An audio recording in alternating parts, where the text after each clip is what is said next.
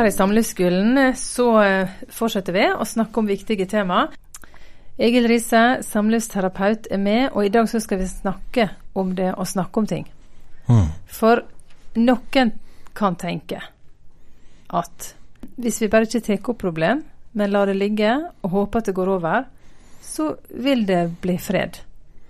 Og det vil gå over. Men hva skjer da? Hva skjer hvis vi ikke tar opp de vanskelige tinga? Og hva skjer når vi til og med snakker negativt om den som har lyst til å ta opp ting? Hva skjer Ja. i parforholdet? Ja, eh, du vet, forskningene viser oss at hvis vi hjelper og lærer opp ungene våre til å kjenne etter hva de føler, forstå hva de føler, ta valg, eh, finne, øve på å finne pro løsninger på problemer, så er de sterkere i livet, klarer seg bedre. Bedre med venner, de har lettere for å sette seg mål, de har lettere for å gjennomføre ting. De er modigere, de er dristigere, de er mer eksperimentelle. De får til alt er mye bedre da. Eh, barn som bare først og fremst er lydige eller passer seg for å gjøre noe dumt, eh, når ikke, går det ikke så bra med som hvis vi oppmuntrer følelser. Parforhold som er trygge, er mye mer fleksible, og man er tryggere på å ta grep. Man er tryggere på å eksperimentere eller improvisere. Hvis man er trygg på at jeg kan være meg, mm. og Jeg er godtatt som jeg er. jeg er godtatt som jeg er. Og at det oppmuntres Hør her nå.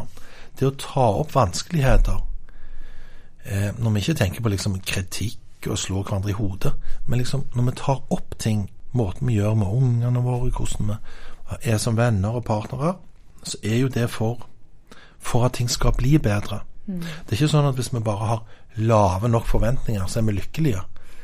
Men noen parforhold er veldig avvisende.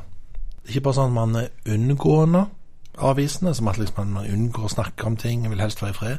Det er sånn at man på en, på en aktiv måte, hvis noen tar noe opp, så får de en nedmuntring, et sukk, en blås i nesen. Holder du på, hva er det nå? Utdumming, nedjusteringer. Altså, de, de blir veldig aktivt kritisert, ak, aktivt nedmuntra til å ta opp vanskeligheter. Og tenker Det vet vi jo ødelegger eh, i parforhold. Men tenkte la oss tenke litt på samfunnet. Vi har gode klageordninger i Norge. Eh, Vel, det har jo ført eh, sam, eh, samfunnet vårt ganske mye framover. At vi har adgang og ordna former til å ta opp ting, og ført til at vi får det bedre. Og så syns jeg det var veldig flott om Forsvaret. Ja, for du har en jo ikke- historie.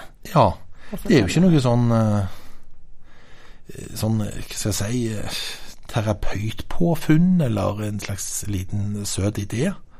Å snakke og forholde seg til følelser og bygge parforhold. Eh, Det gjelder òg inn i Forsvaret.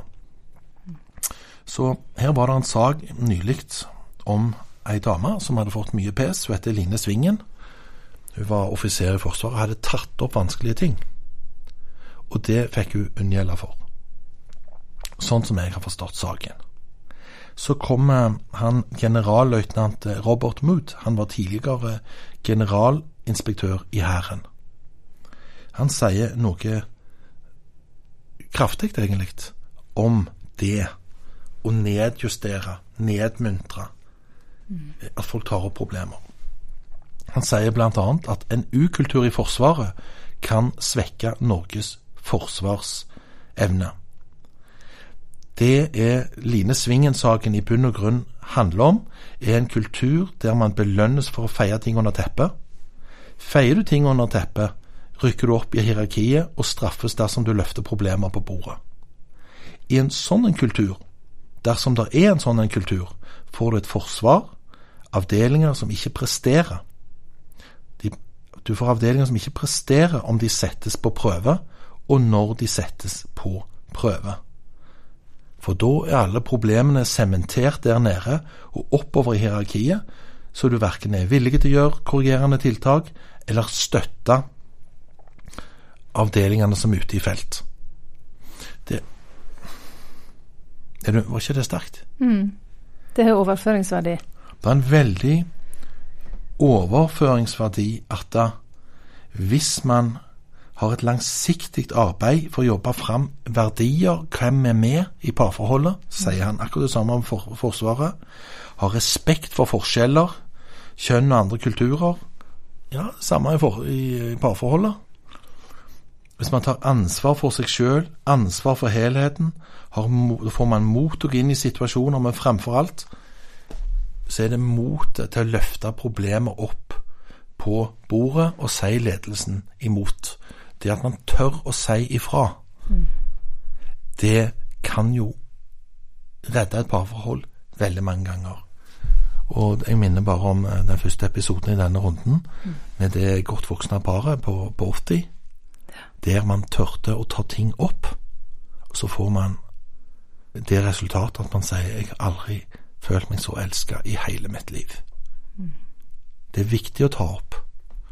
Og det gjelder i hele samfunnet. Det er en måte å tenke på som gjør oss sterkere som samfunn.